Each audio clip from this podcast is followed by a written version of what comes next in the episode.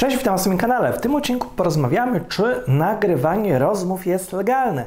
Praktycznie teraz każdy już ma telefon z dyktafonem, każdy smartfon praktycznie może e, nagrywać nie tylko audio, ale również i wideo.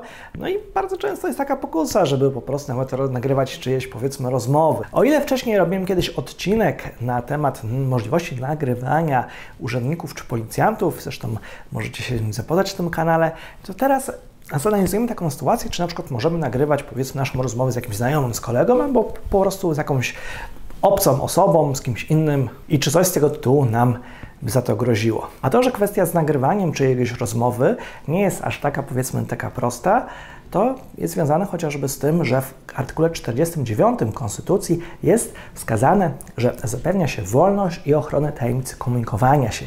Ich ograniczenie może nastąpić jedynie w przypadkach określonych w ustawie i sposób w niej określony. Więc tutaj Konstytucja w tym artykule 49 chroni między innymi tą naszą treść rozmowy z tym drugim uczestnikiem. Nagrywanie rozmów jest jak najbardziej legalne w pewnych okolicznościach oczywiście, żeby nie było zbyt miło. Najpierw może, żeby było łatwiej, wykluczmy takie sytuacje, kiedy to jest absolutnie nielegalne, kiedy to jest nawet przestępstwo. A to jest wtedy, gdy nagrywacie rozmowę, w której nie uczestniczycie, której treść nie jest dla Was przeznaczona. I to jest określone w kodeksie karnym. I na to wskazuje artykuł 267, paragraf 3.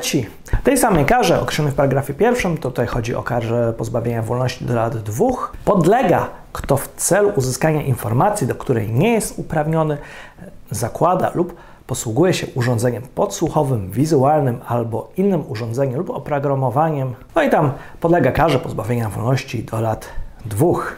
Także jeżeli tą informację komuś się dali przekazuje, to mam tutaj określony paragraf czwarty, tej samej karze podlega kto informację uzyskaną właśnie w sposób w paragrafie trzecim ujawnia innej osobie. Czyli właśnie w tym paragrafie trzecim mamy mowę o takim innym urządzeniu. Tym samym, jeżeli uczestniczymy w tej rozmowie, rozmowę jak najbardziej można nagrywać. No i pytacie się, czy należy uzyskiwać zgodę przed rozpoczęciem takiego nagrywania, a żeby potem wykorzystać, przykładowo chociażby jako dowód w sprawie, no otóż to nie zawsze.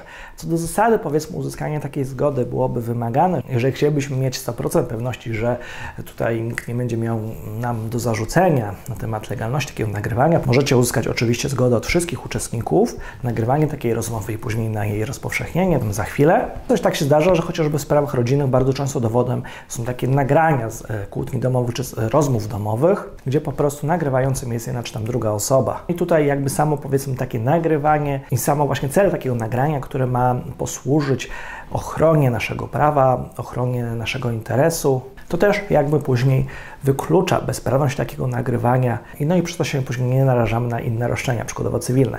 Ale dalej, skoro już jesteśmy przy zgodzie na nagrywanie, tutaj już wchodzimy w kwestie związane z RODO. Przepisy RODO są wprost włączone w podstawie artykułu 2 literka C w przypadku osoby fizycznej w ramach czynności o czysto osobistym lub domowym charakterze. Więc jeżeli ktoś na przykład sobie nagra brata czy tam siostrę i potem pokaże to nagranie mamie czy tam tacie, no to nie naraża się tutaj na żadne sankcje ze strony RODO. Ale przedsiębiorca, gdyby już nagrywał jakieś inne osoby bez uzyskania ich zgody, a potem na przykład bez ich zgody rozpowszechniał takie nagranie, tak najbardziej na taką karę z RODO mógłby się narazić. I to wcale nie małą, bo tutaj, jeżeli mówimy o głosie, to głos stanowi dane biometryczną w rozumieniu artykułu 4 punkcik 14 RODO, a czyli to już mamy e, do czynienia z danymi szczególnej kategorii w rozumieniu artykułu 9 ustęp 1. Ok, najpierw co to jest może dana biometryczna? Zgodnie z artykułem 4 punkt 14 RODO, dana biometryczna oznaczają dane osobowe, które wynikają ze specjalnego przetwarzania technicznego, dotyczą cech fizycznych, fizjologicznych lub behawioralnych osoby fizycznej oraz umożliwiają lub potwierdzają jednoznaczną identyfikację tej osoby takie jak wizerunek twarzy lub dane daktyloskopijne. Kiedy na przykład powiedzmy ktoś się nie naraża z odpowiedzialności takiego RODO, a wtedy na przykład kiedy e, ten głos zostanie pozbawiony e, tych cech osobowych. Na przykład kiedy ten głos zostanie pozbawiony tych cech identyfikujących, puszczony przez jakiś taki modulator zniekształcony. Wtedy już nie będziemy mieli do czynienia z takimi danymi osobowymi w rozumieniu RODO. Oczywiście jak wskazałem, głos to są dane biometryczne, a zgodnie z artykułem 9 ust. 1 RODO to są dane szczególnej kategorii i właśnie ich przetwarzanie co do zasady jest zabronione zabronione. Natomiast wymagane byłoby wtedy na przykład uzyskanie zgody od takiej osoby która jest nagrywana na przetwarzanie jej danych osobowych, danych biometrycznych, tutaj mówimy o głosie. Ok, tutaj mówiliśmy już o odpowiedzialności karnej, mówiliśmy o RODO, natomiast także w przypadku, jeżeli na przykład takie nagranie z takiej rozmowy zostałoby przykładowo rozpowszechnione później gdzieś w internecie, ta osoba, która nagrywa i potem rozpowszechnia, narazi się także na odpowiedzialność cywilną, a chociażby to z przepisów dotyczących ochrony dóbr osobistych artykułu 23 Kodeksu Cywilnego, zgodnie z którym dobra osobiste człowieka, jak w szczególności zdrowie, wolność, cześć, swoboda sumienia, nazwisko lub pseudonim, wizerunek, tajemnica korespondencji, nietykalność, Tutaj w artykule 23 kodeksu cywilnego mamy ten zwrot właśnie w szczególności, dobra osobiste człowieka jak w szczególności, są dalej wymienione. Czyli dobrem osobistym jest także każde inne dobro, które jesteśmy w stanie nazwać, chociażby to dobro, które jest określone niejako w artykule 49 Konstytucji, o którym mówiliśmy wcześniej, dotyczące właśnie tej tajemnicy komunikowania się.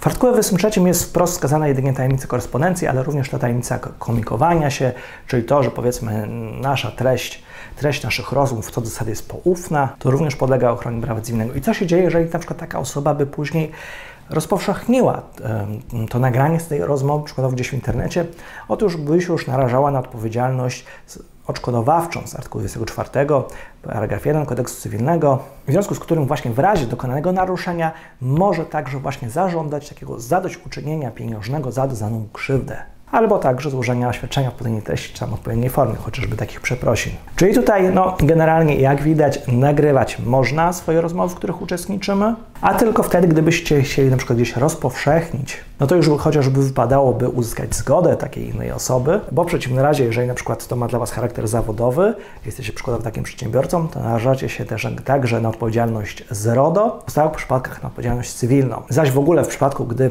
nagrywacie rozmowy, w których w ogóle nie uczestniczycie, których też nie jest dla Was przeznaczona, no to nawet narażacie się na odpowiedzialność karną jak co niektórzy kelnerzy z pewnej cukierni. No i cóż, więcej tyle w tym temacie, a ja tymczasem pozdrawiam.